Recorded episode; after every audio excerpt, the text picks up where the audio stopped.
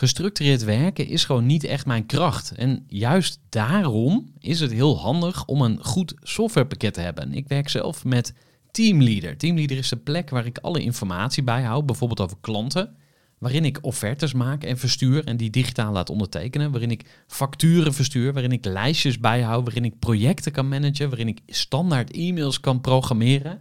Kortom, ik gebruik Teamleader om alle werkprocessen van mijn bedrijf te stroomlijnen. En zeker ook als je met een team werkt, is het heel fijn om over dezelfde informatie te beschikken. Nou, als je ook benieuwd bent of er mogelijkheden zijn om jouw bedrijf meer te stroomlijnen, of je nu alleen werkt of met een team, ga even naar teamleader.nl slash groeivoer en je kunt dan vandaag nog een trial starten voor twee weken lang, gratis. En je kunt Teamleader volledig uitproberen. En na de proefperiode krijg je ook nog zo'n leuke korting als luisteraar van Groeivoer. Ga naar teamleader.nl slash groeivoer. Groeivoer. Groeivoer. Groeivoer. Zoek je inzicht, inspiratie voor je eigen bedrijf. Wil je elke dag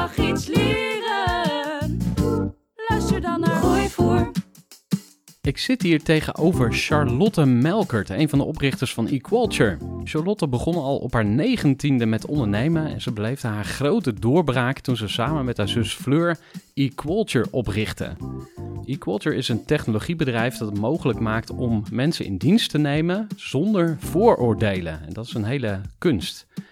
De zussen haalden laatst nog bijna 3 miljoen euro op bij Pieter Schoen, bekend van Dragon's Den. Ze werden uitgeroepen tot Forbes 30 Under 30. Ze staan op die lijst. Nou, dat lukt ook niet iedereen. En ze zijn nog lang niet klaar. Je hoort hoe het allemaal begon, wat er misging, wat ze daarvan geleerd hebben, waar Charlotte nog aan wil werken bij zichzelf. Dat weet ik niet. We gaan het meemaken en nog veel meer. Dus eh, Charlotte, welkom bij de podcast. Ja, dankjewel. Leuk om er te zijn. Voor de kennis en ideeën van een interessante gast. Die haar verhaal met jou wil Ja, hoe zit je erbij vandaag? Ja, goed. Het is hier lekker druk, er gebeurt veel. Eh, het gaat goed met Equalture. Dus eh, ik zit hier eh, druk, maar ook wel heel relaxed bij vandaag. Mooi, wat goed. En wil je ons eens voorstellen aan de kleine Charlotte? Geboren in Dordrecht, met twee zussen dus, waarvan één een tweelingzus. Kleine Charlotte, jeetje. Nou, ik heb wel altijd van heel jongs af aan overgeroepen dat ik ondernemer wilde worden. Volgens mijn ouders was ik tien de eerste keer toen ik dat riep. Eh, dus ik ben altijd daar als kind zijn er toch wel op een bepaalde manier mee bezig geweest. Van ik wil zelf bepalen wat ik doe op een dag. En misschien toch een beetje... Ik ben altijd wel heel eigenwijs geweest en wil graag, wil graag dingen doen waarvan ik denk dat het goed is. Overigens dan in ondernemen ook niet altijd de beste eigenschap, maar daar komen we wellicht later nog op terug. Dus het zat er bij mij vroeg in, denk Ja. ik. Had je daar een eh, beeld bij, of misschien een voorbeeld ook van iemand anders? Hoe, hoe kwam je op dat idee, weet je het nog? Nou, ik weet wel dat mijn vader altijd heel graag ondernemer wilde worden. En hij is het uiteindelijk niet geworden. Dus die heeft wel altijd tegen mij gezegd... Charlotte, als je dat leuk vindt, dan moet je dat gaan doen. Eh, dus ik denk dat hij misschien ook wel een beetje de inspiratie voor mij was. Ja, cool. En eh, heb je gesprekken met je, met je ouders nu over het ondernemen? Hoe, eh, hoe zit dat? Ja, soms. over de leuke dingen en soms ook over de niet leuke dingen. Het is wel... Ja, ander soort gesprekken dan ik misschien in het begin had. En toen wij in het begin startten met onze bedrijven, waren ze nog wel eh, een, een beetje sceptisch. Fleur en ik zijn ook onze studie gestopt om te ondernemen. Nou, daar wordt de, de gemiddelde ouder over het algemeen niet blij van. We gingen natuurlijk ook nog met z'n tweeën doen. Daar zeiden mijn ouders ook wel van, pas wel op dat je geen ruzie krijgt. En eh, dat we het niet met kerst alleen maar over het bedrijf aan de, aan de eettafel hebben. Eh, dus ik denk dat het in het begin meer gesprekken ook waren over... Ja, hoe, ga je er als, hoe gaan jullie er met z'n tweeën mee om? En hoe ga je er als persoon mee om dat je gaat ondernemen? En ik bedoel, nu vertel ik ze natuurlijk wel over eh, een beetje globaal wat er gebeurt. Of eh, mijn vader specifiek is, eh, nou ja, eigenlijk zijn hele carrière CEO bij bedrijven geweest. Dus die bel ik vaak wat meer op als er wat meer inhoudelijke dingetjes bijvoorbeeld zijn. Dus ik praat er op zich wel met ze over, maar niet te veel. Doe ik met vrienden ook niet, omdat ik het ook wel prettig vind dat ik bij bepaalde mensen het ook even... Dan ben ik even niet de ondernemer, zeg maar. Ja, mooi. Eh, nog even terug naar je ouders, want eh, wat, wat heb je van ze meegekregen? eh, wat je nog steeds ook gebruikt, bewust of onbewust, in, in je leven? Ik denk twee dingen. Mijn ouders hebben het altijd wel heel goed gehad. Dat hebben ze ook echt wel zelf opgebouwd. Daar hebben ze heel hard voor gewerkt. Ze hebben mij wel altijd van jongs af aangeleerd. Wij moesten bijvoorbeeld ook toen ik 14 was of 13 volgens mij had ik al mijn eerste bijbaantje. Uh, zij hebben ons wel altijd heel erg geleerd, geld is niet vanzelfsprekend. Uh, dat kan ook van de een op de andere dag over zijn. En ik denk dat als je zo'n bedrijf bouwt, wat wij nu doen, en vooral hè, met de miljoenen investeringen die erin zitten, kun je, is het denk ik soms moeilijk om het besef van geld een beetje recht te houden voor jezelf. Dus ik denk dat ik daar wel heel veel aan heb gehad voor hen. Van, weet je, neem dit nooit als een vanzelfsprekendheid dat het nu even goed gaat, want het kan ook op een, op een volgend moment niet goed gaan. En daarnaast denk ik, mijn ouders hebben me altijd heel goed geleerd om heel veel interesse in mensen te hebben. Dus ik denk altijd de eerste vraag die ik mijn vrienden stel als ik zie meteen van, wat, hoe gaat het, wat speelt er in je leven, wat ben je aan het doen? Uh, en ik denk dat dat je in een bedrijf ook wel heel erg helpt. Vooral als je natuurlijk als je een team aan het opbouwen bent. Ja, ja. Um, is er ook iets van je ouders? Laatste vraag over je upbringing, tenzij je nog uh, dingen ter tafel wil brengen. Maar zijn er dingen die je achterlaat of die je echt anders doet? Nou, ik denk wel dat, nou, wat ik zei, mijn vader heeft als ondernemer willen worden, heeft hij niet gedaan. Die heeft denk ik toch wel voor het veilige pad, dat klinkt ook een beetje vervelend. Als hij dit hoort, dan uh, is hij pissig, denk ik. uh, nou, ik denk dat hij toch wel ook, uh, hè, misschien omdat je dan ook op een bepaald moment kinderen krijgt en de, de, de financiële risico's worden groter, er hangt meer van af. Uh, nu zijn Fleur en ik natuurlijk heel jong begonnen, dus we hebben dat geluk ook gehad. Ik bedoel, bij mijn eerste bedrijf woonde ik letterlijk in een studentenhuis waar ik uh, 350 euro voor mijn kamer betaalde en that's it. Dus de, de risico's zijn heel minimaal. Maar ik denk wel dat mijn ouders wat meer risicomijdend zijn dan dat ik ben. Ik ga er wel gewoon voor en ik zie het wel hoe het, uh, hoe het uitpakt. Ja, mooi. Um, mooi bruggetje naar jullie avontuur met eQualture. Wil je ons eens meenemen naar de begindagen en uh, meteen ook de missie vertellen van jullie als bedrijf. Ja, zeker. Uh, nou ja, wat je al introduceerde net in het begin. Ik heb met Fleur, uh, ook met Fleur trouwens samen, daar heb ik ook mijn eerste bedrijf mee gehad. ben ik in mijn studententijd, toen ik ja, volgens mij 18, 19 was, ben ik een recruitmentbureau gestart. Overigens niet per se met de ambitie om in de recruitment te eindigen voor de rest van mijn leven. Maar ik wilde toen heel graag dus leren, vind ik ondernemen leuk, past het bij mij? En Fleur was in die tijd parttime recruiter voor twee dagen in de week. Uh, dus toen dachten we, nou, dan laten we dan een recruitmentbureau gaan starten. Dan snap jij hoe inhoudelijk het recruitment werkt. Uh, en nou, ik studeerde toen nog bedrijfskunde, dus dan doe ik uh, de marketing, sales, een beetje de bedrijfskundige kant. en we richten ons toen heel specifiek op vrouwen binnen de financiële sector omdat toen, we praten over 2016 denk ik, toen begon het diversiteitsverhaal dus ook al wat meer vorm te krijgen. Ineens gingen corporate zich daar druk om maken.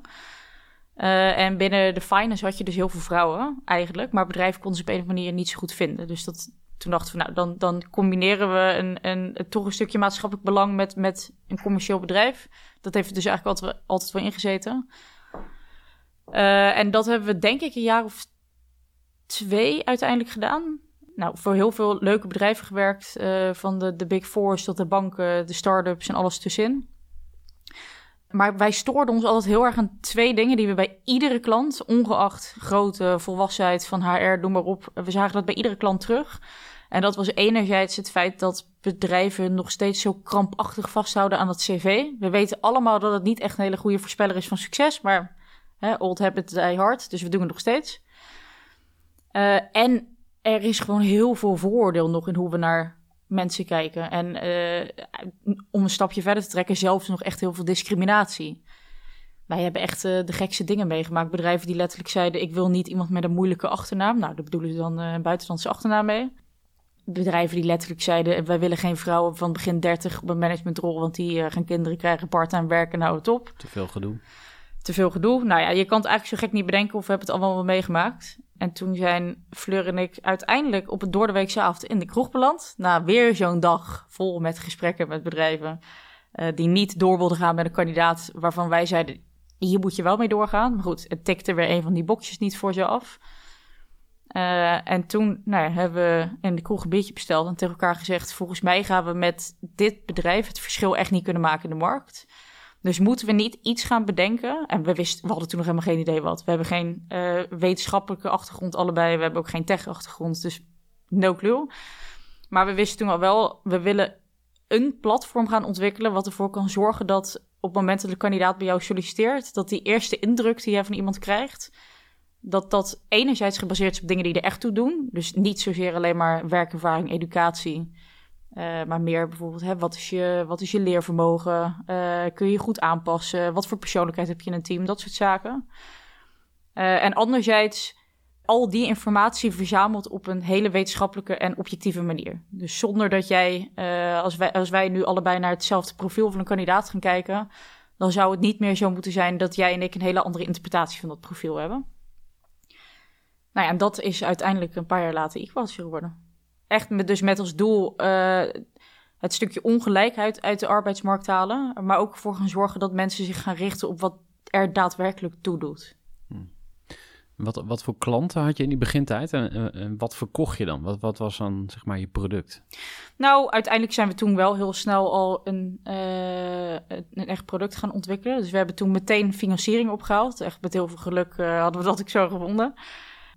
Eh, en we hebben toen uiteindelijk eerst, wat we, wat we dus nu doen, is we ontwikkelen games om dit soort dingen in kaart te brengen voor kandidaten. Dus kandidaten doorlopen een set aan, eh, aan leuke korte games. En daar meten we dan dus die, die vaardigheden, je intelligentie, persoonlijkheid, noem maar op.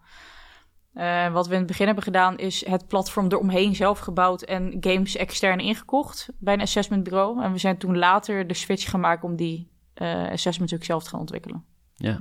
En je zei, we hebben met geluk, met veel geluk funding opgehaald in de begintijd. Eh, Mhm. Wat voor bedrag hebben we het ongeveer over en, eh, en waarom was dat geluk? Had je dat niet gewoon heel goed geregeld? Hoe, hoe eh, kijk je daarop terug? Ja, ik zou toch wel scharen onder geluk, denk ik. Ehm, nou, toen Fleur en ik dus op dit idee kwamen, toen dachten we heel naïef waren wij ook in het begin hoor. Maar toen dachten we eerst, nou dan gaan we, we hadden natuurlijk geld verdiend met ons recruitmentbureau.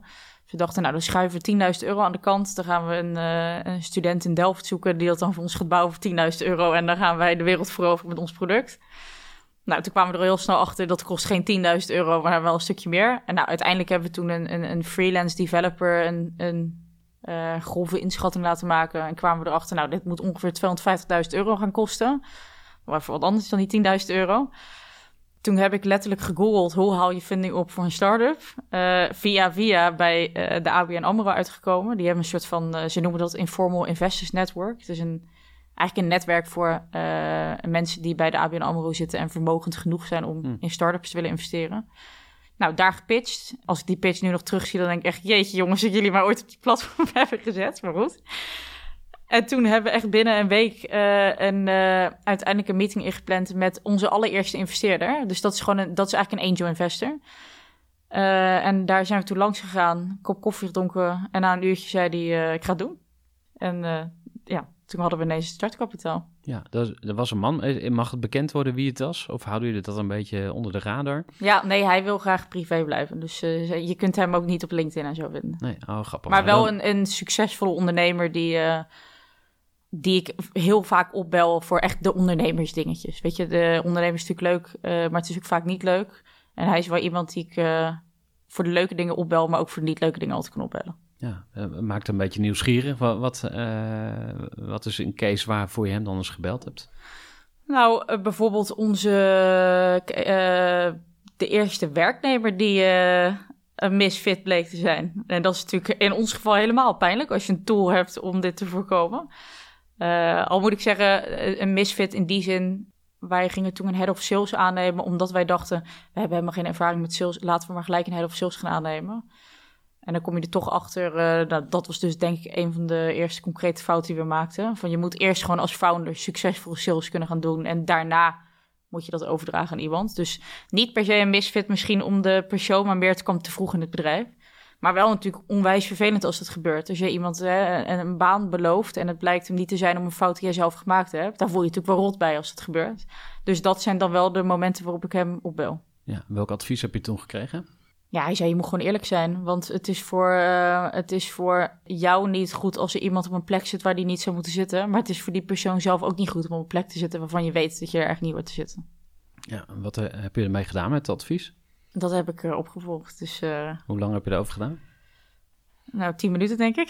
Oké, je hebt hem meteen doorgepakt. Ja. Want, eh, ik vraag erop door omdat afscheid nemen, dat, voor een buitenstaander is het advies altijd heel makkelijk om te geven. Van ja, je moet gewoon de samenwerking opzeggen. Maar om dan daadwerkelijk dat gesprek aan te gaan. Maar dan heb je dus meteen dat ging ook echt met eh knik in de knie hoor, de Hmm. eerste keer. Ik denk dat dat, nou trouwens, dat went nooit zo'n gesprek. Of dan, ik denk, ik, ik denk dat als je genoeg empathie hebt, dat het nooit went zo'n gesprek. Maar ja, ook de moeilijke dingen horen bij ondernemen. Dus ja, je kan het voor je uitschuiven omdat het moeilijk is, maar je, je gaat toch wel meer moeilijke dingen tegenkomen. Ja. Even terug naar die eerste funding. Je kreeg dus een kwart miljoen. Eh, je vond het zelf ook veel geld. Ja, wat waren de eerste drie uitgaven? Je nam dus een head of sales aan. Wat heb je nog meer? eh? Nou, de eerste uitgave was zelfs nog eh, voordat we de head of sales aannamen. Dat was fout 1 trouwens van dit bedrijf, denk ik me nu. Wij hadden dus geen CTO toen we met het bedrijf startten. En Fleur en ik hadden nul ervaring van technologie. Dus je moet je voorstellen, wij hebben toen een freelance development team bij elkaar gezocht. Dat was dan wel weer handig, want Fleur was IT-recruiter geweest. Dus die kon dat makkelijk bij elkaar vinden. Eh, en die hebben de eerste versie van ons platform gebouwd. Maar Fleur en ik waren dus zo bleu dat we zelfs... We hadden toen op een gegeven moment een gesprek over, eh, over API's. En ik dacht de hele tijd, waarom heb je het nou over... over nou, ik dacht dus eerst, waarom heb je het nou over speciaal biertjes? Want ik drink heel graag Oh. een IPA. IPA, Mooi. API. Het is natuurlijk, eh, je- als je het maar even snel door elkaar haalt. Dus op een gegeven moment vroeg ik aan van, "Hé, waarom heb je het nou tijd over biertjes? Nou, toen begon ze elkaar te lachen. Toen zei ze, dat is dus iets anders. Ja, Eh, want dat de zijn API is een koppeling toch tussen twee eh, pakketten. Ja, in principe als je dus twee softwarepakketten bijvoorbeeld aan elkaar koppelt, dan doe je dat middels een API. Dus wij gebruiken een API om, als een kandidaat ons gesolliciteerd heeft, om dat door te sturen naar het recruitment systeem van een klant bijvoorbeeld. Nou, dus zo weinig wisten wij van technologie.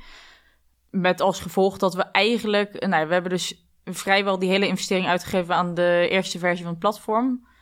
Toen gelukkig Jaap, onze CTO, gevonden. eh, als, als de, de derde founder eigenlijk in het bedrijf te stappen.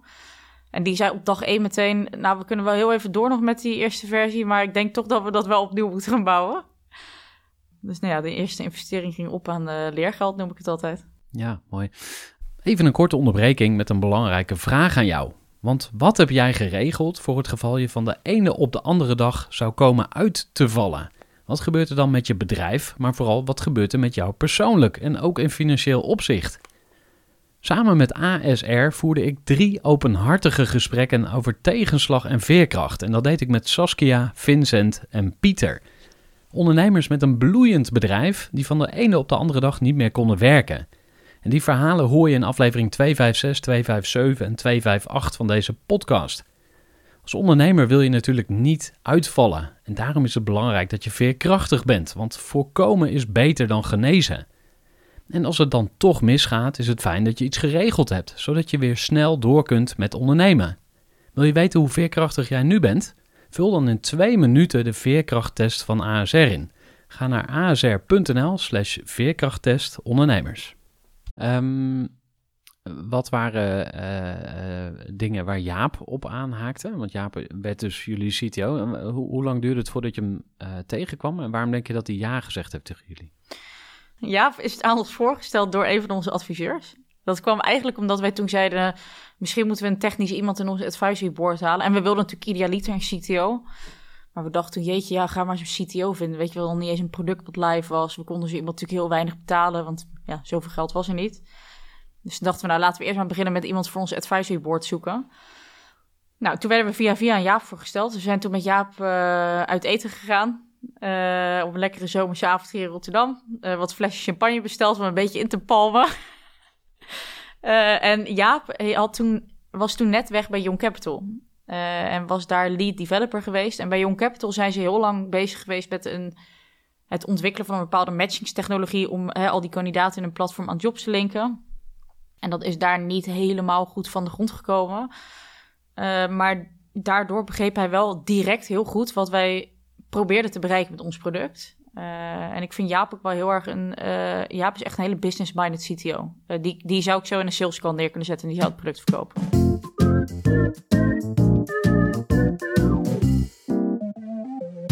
Wat is een goede ondernemer volgens jou? Ja, toch wel iemand die risico neemt. Iemand die niet beter wil zijn, maar die anders wil zijn. Iemand die. Ja, daar ben ik toch. misschien dat ik eh, alleen in dat opzicht dan mezelf eh, niet meer ondernemer vind. Maar ik vind heel veel ondernemers altijd wel vaak heel ge- ongeduldig. Echt het irritante af. Ik wil gewoon dat iets gaat veranderen. Ik kan hier ook wel heel erg drammen als ik iets in mijn hoofd heb. Ja, en gewoon niet maar simpelweg accepteren dat dingen gaan zoals ze gaan.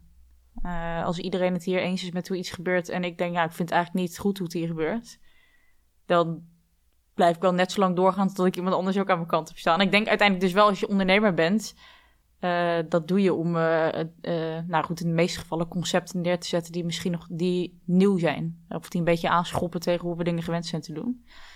Dus ik denk dat je die eigenschap wel moet hebben daarvoor. Ja. Vind ik heel interessant wat je ook zegt over je eigen pad volgen daarin, dus eigenwijs zijn. Want het lijkt me een beetje op gespannen voet staan met hele goede mensen aannemen. Dus stel je neemt ja, echt hoog gekwalificeerde mensen aan. Ze zeggen altijd, hè, die moet je niet gaan vertellen wat ze moeten doen. Dus stel je hebt een marketing of een eh, eh, chief marketing officer of zo. Eh, maar jij zegt van ja, ik ga toch wel door tot ze aan mijn kant staan. Ehm, hoe, hoe, hoe ga je er dan mee om? Wat, hoe vind jij de balans zijn?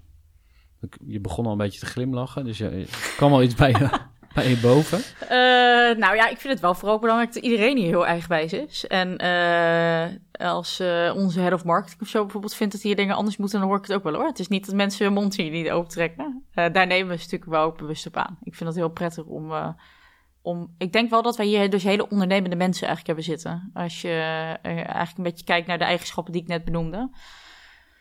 Maar eh, wij kunnen hier wel echt hele flinke discussies hebben met iedereen intern. En dat vind ik ook alleen maar goed hoor. Ik moedig dat bij iedereen ook heel erg aan. Als je het ergens niet mee eens bent, dan moet je nooit het gevoel hebben dat je je mond niet open kan trekken. Omdat je met je manager bijvoorbeeld in een ruimte zit. Of omdat Fleur of ik er zitten. Wij hebben hier ook in die zin wel een heel platte organisatie. Ja, discussies. Heel veel discussies.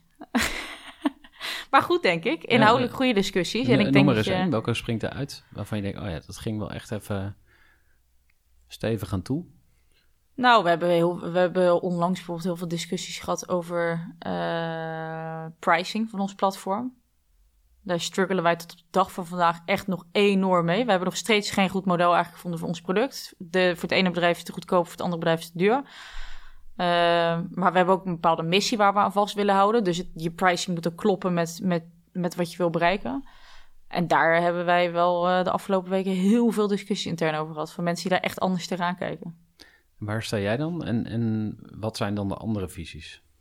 Kijk, wat wij natuurlijk altijd hebben gezegd met ons platform is... wij willen ervoor zorgen dat... Eigenlijk heel plat geslagen zijn we natuurlijk een assessment in de vorm van games. Als je het even heel erg eh, zwart-wit onder een label wil hangen, dan is dat het label. En we zijn natuurlijk allemaal gewend om assessments vaak wat later in een sollicitatieprocedure in te zetten. Eh, ook vaak omdat de pricing ernaar is, dat je afrekent per kandidaat bijvoorbeeld. En wij hebben dus altijd gezegd, wij willen dat het assessment helemaal aan het begin van het proces wordt gedaan. Zodat je dus die eerste indruk op basis van wetenschap hebt. Dus we gaan onze pricing niet zo instellen dat we gaan cappen op het aantal kandidaten bijvoorbeeld dat er doorheen mag lopen. Nou ja, wat gebeurt er dan nu natuurlijk? Dan zijn er bedrijven die misschien maar drie sollicitanten per maand hebben. En die betalen dan eigenlijk de hoofdprijs voor een product. Eh, en er zijn eh, corporates die eh, ons voor trainees gebruiken waar honderden mensen per maand doorheen gaan. En die betalen eigenlijk nog steeds hetzelfde als die andere klant. Hmm. Dus dan gaat je missie ineens een beetje conflicteren met de pricing die je hebt. Uh, en dan goed, dan zegt natuurlijk de ene, ik vind gewoon dat we er commercieel alles uit moeten halen. En de ander zegt, nee, ik vind dat we dat niet kunnen doen, want het conflicteert dan met hoe we ons neer willen zetten. En ik ben, uh, ik heb echt overal normaal mening over, maar ik ben in deze in het midden, merk ik. Ja, en is bij jullie een chef geld in het ondernemersteam? Uh, ja, dat ben ik op dit moment. Ja, en uh, heb je iets met geld of helemaal niet? Of hoe, uh, hoe kijk je naar geld? Nou, ik, ik vind het, er moet voldoende geld zijn om iedereen uit te kunnen betalen. Je moet heel voorzichtig met je geld omgaan. Wij zijn wel denk ik vrij traditioneel hoor, voor een start-up. Wij, ik geloof ook niet zo in de tientallen miljoenen ophalen en maar gewoon rennen en zien of het, of het goed uitpakt. Uh, ik vind dat je wel heel bewust met je, met je geld moet omgaan. Dus dat, en voor mij persoonlijk, uh, geld is geen drijfveer. Hmm. Totaal niet. Nee. Anders, zou ik, anders moet ik niet gaan ondernemen, denk ik. Is er iemand in het team die wel die drijfveer heeft? Ik denk het niet, want dan zit je hier ook niet goed, denk ik, op dit moment. Wij betalen absoluut niet de hoofdprijs nu. Dat kunnen we ook niet. Dat uh, is denk ik een beetje de, de concessie die je doet als je bij een start-up gaat werken. Nee, wat ik hier eigenlijk juist heel erg merk, en dat is natuurlijk uh, het toffe aan wel een commercieel bedrijf hebben, maar er zit bij ons natuurlijk een heel duidelijk maatschappelijk belang achter. Uh, is wij halen hier mensen binnen die echt hyper gemotiveerd zijn om de wereld een stukje beter te maken. En in ons geval dan hè, de arbeidsmarkt een stukje eerlijker te maken. Wat betekent dat interne drive vaak een grotere motivatie is dan bijvoorbeeld je arbeidsvoorwaarden. Nu zeg ik overigens niet dat alle techvergoedbedrijven uh, hun salaris naar beneden moeten gooien. Maar het maakt het wel wat makkelijker om, uh, om andere motivatie mensen binnen te halen. dus ik merk ook dat het daardoor voor ons heel makkelijk is om mensen ook te vinden. Ja, maar dat tech for good, hè, dat noem je even terloops. Dus dat is technologie voor eh, het oplossen van sociale problemen, of social enterprise zou je kunnen zeggen.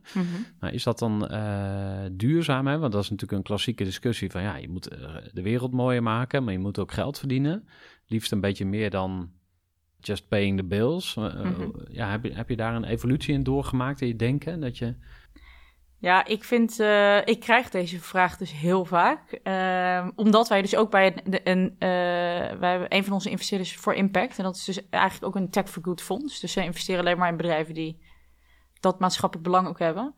En ik krijg heel vaak van bedrijven de vraag van... oh ja, maar als je dan eh, dus een Tech for Good bedrijf bent... dan eh, neem je dus eigenlijk genoegen met minder omzet, toch? Dus de, in de hoofden van mensen is het nog steeds zo... oh, er zit een maatschappelijk belang achter... dan zal het commercieel wel wat minder zijn... Dat is natuurlijk echt de grootste bullshit die er is. Hmm. We zijn een hartstikke commercieel bedrijf. eh, maar we lossen er een bepaalde problematiek mee op. Wat ook uiteindelijk een bedrijf heel veel beter maakt. Het feit dat de arbeidsmarkt oneerlijk is, zorgt er niet alleen maar voor dat mensen geen eerlijke kans krijgen. Maar het zorgt er ook voor dat bedrijven structureel de verkeerde keuze maken. Wat ontzettend veel geld voor die bedrijven kost. Mhm. Dus ik denk juist dat de tech for good bedrijven eigenlijk nu de springplank hebben om commercieel veel succesvoller te worden. Ook omdat we natuurlijk wel in een maatschappij leven waarin gelukkig niet meer alles om geld draait. Kijk naar de, de, de shells van deze wereld. Ik denk dat 50 jaar geleden iedereen daarvoor wilde werken. Ik zou me vandaag de dag bijna een beetje schamen als ik zou moeten zeggen dat ik voor een Shell werk. Of een eh, Nestlé bijvoorbeeld. Gewoon de bedrijven die voor mij in ieder geval wel heel duidelijk het label hebben, die zijn niet lekker bezig. ja. Eh, en wat zou Pieter Schoen adviseren over pricing? Ik ga een beetje door op dat onderwerp, omdat het natuurlijk ook weer eh, je volgende stap kan zijn. Als er wel flink geld verdiend wordt, dan gaan er nog meer investeerders instappen, kun je nog Ja. verder groeien. Maar wat zegt hij er bijvoorbeeld over? Nou, we hebben toevallig morgen weer een meeting daarover. Eh bottom line, maak jezelf duurder, want het zet jezelf ook beter neer. Weet je, als jij een... eh, een Pieter noemt als voorbeeld, als jij, een rol- als jij jezelf als Rolls Royce wil neerzetten, dan wordt daar een pricing bij. Nu zetten we onszelf een beetje als een Toyota neer op de website. Op het moment dat je natuurlijk je product wat duurder maakt... eh, en niet duurder maken om er gewoon meer uit te halen voor een klant. Maar ik geloof op dit moment echt wel dat wij te goedkoop zijn om onze kosten ook intern goed te verantwoorden. Eh, maar als je je product natuurlijk wat duurder maakt, dan tekenen mensen ook meer met een commitment. Dus je neemt, ik merk dat hier ook. Als wij hier een product aanschaffen en het is een stukje duurder, dan zeg ik wel tegen mijn team: jongens, schouders eronder. We gaan er wel echt alles uithalen wat erin zit. Dat is een duur product voor ons om te gebruiken. Dus bedrijven gaan meer tijd besteden aan onboarding, zorgen dat iedereen het intern goed begrijpt. En uiteindelijk is dat natuurlijk de stickiness van je product, dat mensen dat ook goed begrijpen. Eh, dus nee, bottom line, het wat duurder dan het nu is. Ja, dus de prijzen gaan omhoog. Als je nog in wil stappen, wees er snel bij. Want eh, je kan nu nog voor die, die hele schappelijke prijzen instappen. Ja, ik, ik moest even denken aan If You Pay, You Pay Attention. Die, Ja. die, die ken je misschien Ja. wel. Terug naar jullie toekomst. Want eh, ehm, hoe, hoe wil je verder groeien? Nou, god, wij zijn eigenlijk nog zo klein natuurlijk. Als je kijkt naar de markt, de wereld is natuurlijk wel onze markt. Kijk, als de US op een dag wel eh, voor ons iets fantastisch blijkt te zijn, dan ga ik natuurlijk geen nee zeggen, omdat ik het persoonlijk niet de leukste markt vind om in te zitten. Eh, maar ik denk dat we nog heel veel terrein te winnen hebben. Ook zelfs nog in Nederland hoor. Want ik bedoel, we werken met heel veel goede bedrijven, maar er zijn ook heel veel bedrijven die ons niet gebruiken. Wat meer ook te groeien naar die corporates. Zou ik wat meer willen doormaken. Ik merk dat we de laatste tijd bijvoorbeeld ook heel veel door publieke instellingen worden benaderd. Vind ik ook heel boeiend. Eh, maar zelfs ook, we hebben laatst voor het eerst een middelbare school onboord. Eh die, nou ja, goed, het lerarentekort is natuurlijk heel groot. Dus ook dit soort instellingen moeten toch anders gaan kijken naar... eh, ja, hoe vinden we nou talent? Dus ik denk enerzijds dat we in bedrijfsgrootte nog heel veel te winnen hebben... maar ook in verschillende sectoren die voor ons eigenlijk nu nog onbekend zijn. En daarnaast, ik bedoel, volgens mij komt nu ongeveer 60% van onze omzet uit Nederland en de rest erbuiten. Maar als je nog steeds kijkt naar de UK, Zweden, Denemarken, weet je, dat zijn een beetje de landen waar we wat groter zijn. Eh, daar zijn we eigenlijk nog steeds piepklein vergeleken met de rest. Dus ik denk dat er voor ons nog heel veel, eh, op ieder vlak heel veel terrein te winnen valt.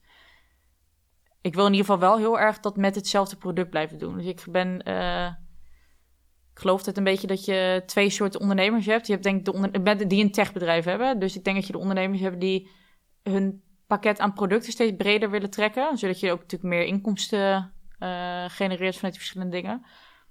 ik geloof wel dat wij specifiek heel goed zijn in dit stukje. Dus ik droom er bijvoorbeeld ook niet van om op een dag een recruitment software eromheen te bouwen of een, eh, allerlei andere modules. Ik wil gewoon steeds beter worden in eh, dat objectief selecteren van de juiste kandidaat. Dus ik zie ons niet heel snel een gigantische productverbreding of zo toepassen.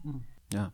Ehm, eh, zijn er al aanbiedingen geweest, ongetwijfeld, maar eh, van, van bijvoorbeeld Young Capital om jullie op te kopen? Dus, ah, jullie hebben toch wel iets heel moois eh, gemaakt. Want die waren volgens mij ook met, met kinderen bezig en adverteren in games en Ja, een beetje andere energie, maar die, die zijn er natuurlijk ook mee bezig. ja. Eh, De, de, eh, de gasten van Young Capital ken ik ook wel goed. Die hebben geen aanbieding gedaan om ons over te nemen. We hebben ooit wel eens gesproken over investering, maar niet eh, op een heel concreet level. Ik zou ook niet op dit moment dit soort investeerders in je bedrijf willen, want je tekent wel een beetje voor je exit dan natuurlijk, als je zo'n strategische investeerder binnen gaat halen.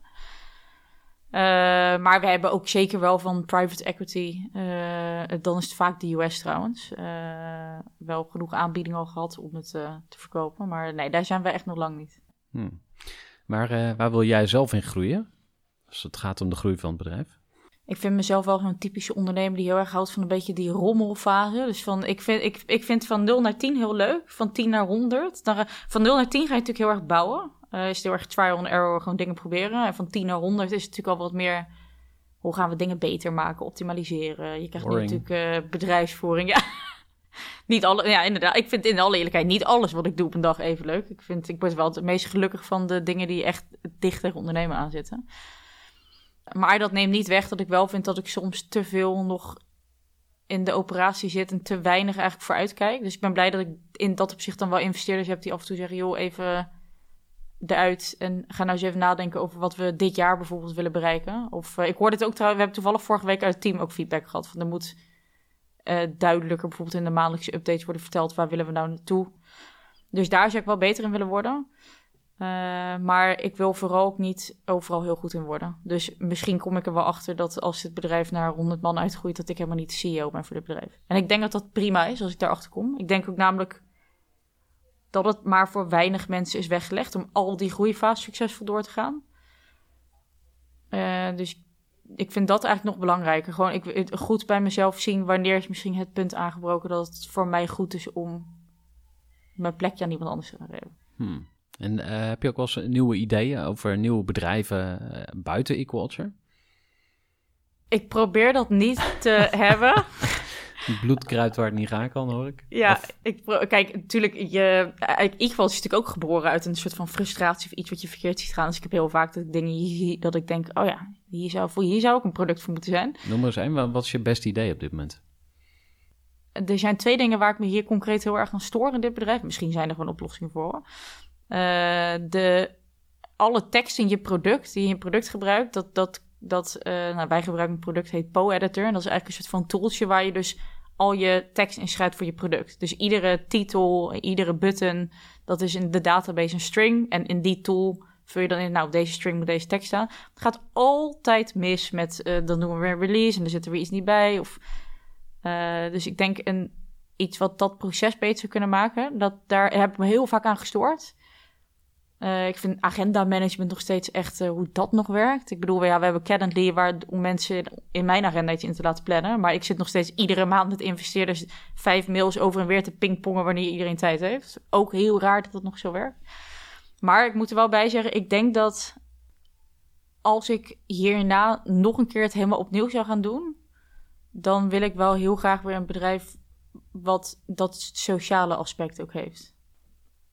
Ik denk dan dus wel weer iets. Ik vind bijvoorbeeld milieu ook wel heel. eh, ik vind dat een boeiend topic. Eh, ook iets, denk ik, waar veel meer mensen druk om zouden moeten maken dan we doen vandaag de dag. Hm. Eh, dus niet per se dan een concreet idee, maar het moet voor mij, denk ik, toch wel altijd die combinatie hebben van commercieel en bepaald maatschappelijk belang. Ja.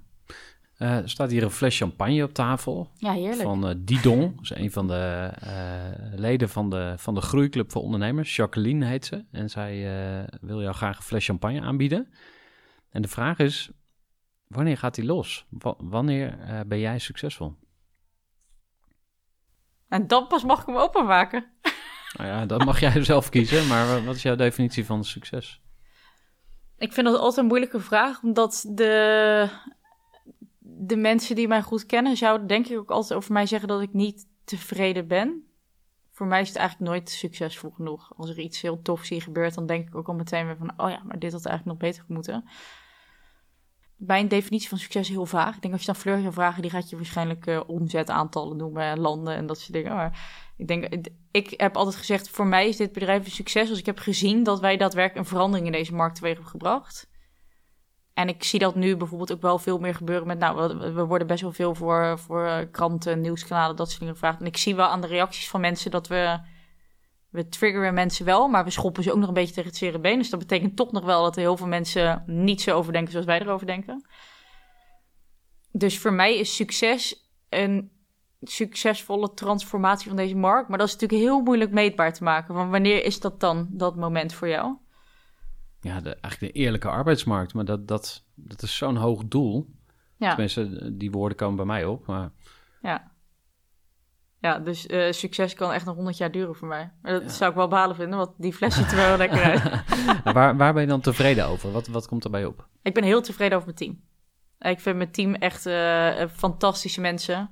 Uh, en nou hebben we natuurlijk de luxe dat we een uh, heel goed product hebben om ze, om ze ook te vinden. Maar ik hoor niks over wat dan betrekking heeft op jouzelf. Dus wat heb jij gedaan? Waar ben jij tevreden over bij jezelf? Nou, ik denk toch wel dat we uh, toen Fleur en ik een paar jaar geleden het bedrijf startten, zeiden heel veel mensen tegen ons: Dit moet je echt niet gaan doen. Waar begin je aan? Uh, het was natuurlijk ook, het was bijna een grap voor mensen. Natuurlijk. Nou, wij gaan een techbedrijf starten en uh, we gaan assessment ontwikkelen. En het klonk natuurlijk voor mensen allemaal heel ongeloofwaardig. Als je toch ziet. Klanten in 16 landen. We hebben hier 40 hyper gemotiveerde mensen rondlopen.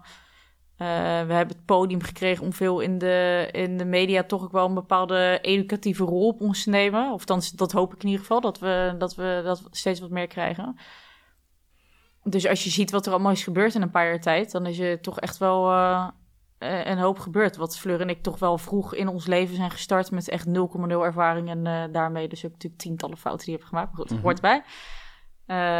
dus ik ben daar wel het meest trots op. En wat was jouw rol daar dan in? Uh, nou, ik ben denk ik wel van Fleur en mij degene die iets... Ik neem wel nog meer risico. Uh, en ik ben wel de... Ik speel het minst veilig, denk ik, van iedereen hier. En ik denk dat je dat wel nodig hebt om zo tegen de stroom in te gaan. Dus ik denk dat dat met name wel mijn rol is geweest. Cool. Nou, gefeliciteerd. Goed gedaan. Uh, fles champagne is voor jou. Mocht je uh, zelf nog bij willen bestellen voor teamleden, dat kan op vierjesucces.nl. Als je daar naartoe gaat, dan uh, ga je naar de website van Didon en dan kom je daar uh, allerlei mooie champagnes tegen. het is me dus toch gelukt om iets aan jou te ontlokken waar je tevreden over bent. bij jezelf. Dus dat is eigenlijk gewoon je lef. Je hebt gewoon lef getoond en dat doe je nog steeds elke dag. Ja. je hebt ook iets verteld over waar je nog in, in wil groeien. Je noemde net ook even van alle, alle fuck-ups die we ge, meegemaakt hebben, alle fouten die we gemaakt hebben. Um, je hebt eigenlijk eh, ja, best wel korte tijd ontzettend veel geleerd. Mm-hmm. En uh, dat brengt mij bij, uh, ja, helaas alweer de laatste vraag ook voor de, voor de podcast. Maar wat zijn nou eigenlijk je beste adviezen voor andere ondernemers? En wees niet bescheiden. Mijn beste advies voor andere ondernemers, twee denk ik. Nummer 1 hangt een beetje samen met wat ik net zei, maar heb gewoon echt scheid aan mensen die zeggen dat je het niet kan. Echt boeien dat iemand niet gelooft en dat jouw bedrijf gaat werken ik weet nog zo goed, wij hebben zoveel mensen in het begin van het bedrijf gesproken die zeiden, oh, dit wordt helemaal niks. En dit zijn nu de mensen die mij in hun podcast vragen. En dan natuurlijk een hele leuke, enthousiaste intro beginnen. En dan denk ik echt, oh ja, ik zit hier omdat ik weet dat het marketing oplevert. Maar ik... Fuck you. Ja, het liefst zou, ik, het liefst zou ik dat eigenlijk willen zeggen. Goed, het motiveert mij wel trouwens. Als mensen zeggen dat het niet lukt, dan, dan ga ik drie keer hard lopen. Dus laat je niet... Uh, van de wijs brengen. En vooral ook voor jonge ondernemers. Want het is natuurlijk, het, het, is, uh, het, het is ons heel veel gebeurd dat. Uh, een beetje gechargeerd hoor, maar uh, dat de, de, de, de blanke man van 50 in pak mij een beetje ging mensplenen op mijn bedrijf te moest gaan werken. Dus dat is mijn eerste advies. Um, en mijn tweede, alles aan je bedrijf is veranderlijk, behalve je visie en je missie vind ik. Ik denk dat als je dat loslaat, dat je nooit een succesvol bedrijf gaat worden. Dus zorg dat je die niet vergeet onderweg. Zorg dat wel alles wat je doet met je bedrijf, of je, als je een product bouwt, als je een team aanneemt, als je je marketing doet, klopt dat met de why achter mijn bedrijf? Of ben ik daar nu te veel van aan het afwijken, bijvoorbeeld om meer klanten binnen te halen of een groter publiek aan te spreken? Uiteindelijk ben je dan voor niemand, die, ben je voor niemand interessant genoeg. Dus blijf dicht bij de reden waarom je het bent gestart. Ook dan, uh, ik denk dat dat ook de enige manier is waarop je intrinsiek gemotiveerd blijft. Charlotte, dankjewel. Alsjeblieft, en thanks dat ik mocht zijn.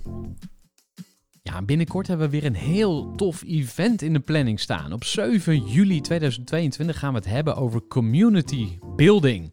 Ja, wat is community building? Ja, dat weet je waarschijnlijk wel, maar ja, wat kun jij ermee? Hoe kun je community die nu al bestaat rondom jouw bedrijf, alle mensen die jou een warm hart toedragen, hoe kun je die gaan versterken? En er zijn twee redenen op zijn minst te bedenken waarom je dat zou willen. Aan de ene kant je community van medewerkers, de mensen die om jou heen staan, die jou helpen. Hoe kun je die versterken om te zorgen dat mensen minder snel weggaan? En ook andere E-players gaan binnenbrengen. Dus je kunt je team gaan versterken door je community sterker te maken. En daarnaast kun je natuurlijk je community ook inzetten om aan nieuwe klanten te komen. En wat je ook heel veel ziet tegenwoordig is dat je groeigeld kunt ophalen door je community. Nou, zo zijn er allerlei manieren waarop je de mensen om je heen kunt gaan mobiliseren op een leuke manier. En op 7 juli ontdek je hoe je dat aanpakt. Maartje Blijleven, dat is echt een enorme expert op dat gebied, komt ons wat vertellen. En daarnaast ga ik twee ondernemers on stage interviewen over hoe zij hun community gebouwd hebben. Nou, wordt super, super interessant. En je gaat ook zelf aan de slag met uh, intervisie. Dus je mag met andere ondernemers gaan sparren over ja, waar je tegenaan loopt, wat er goed gaat, wat er niet goed gaat. En hoe je dat zou kunnen oplossen. Dus je kunt echt even gewoon uh, ja, je hart komen luchten als het ware. Maar ook anderen verder helpen. En dat doen we allemaal op een hele toffe locatie in Utrecht. Creative Valley, Centraal Station. Van harte welkom, beste ondernemer. Lijkt me leuk je te ontmoeten. Stuur even een berichtje. Nou, dan zijn we nu echt aan het einde gekomen van deze aflevering. Graag tot een volgende aflevering. Gooi voor. Gestructureerd werken is gewoon niet echt mijn kracht. En juist daarom is het heel handig om een goed softwarepakket te hebben. Ik werk zelf met Teamleader. Teamleader is de plek waar ik alle informatie bijhoud, bijvoorbeeld over klanten waarin ik offertes maak en verstuur en die digitaal laat ondertekenen, waarin ik facturen verstuur, waarin ik lijstjes bijhoud, waarin ik projecten kan managen, waarin ik standaard e-mails kan programmeren. Kortom, ik gebruik Teamleader om alle werkprocessen van mijn bedrijf te stroomlijnen. En zeker ook als je met een team werkt, is het heel fijn om over dezelfde informatie te beschikken. Nou, als je ook benieuwd bent of er mogelijkheden zijn om jouw bedrijf meer te stroomlijnen, of je nu alleen werkt of met een team, Ga even naar teamleader.nl slash groeivoer en je kunt dan vandaag nog een trial starten voor twee weken lang, gratis. En je kunt Teamleader volledig uitproberen. En na de proefperiode krijg je ook nog zo'n leuke korting als luisteraar van Groeivoer. Ga naar teamleader.nl slash groeivoer.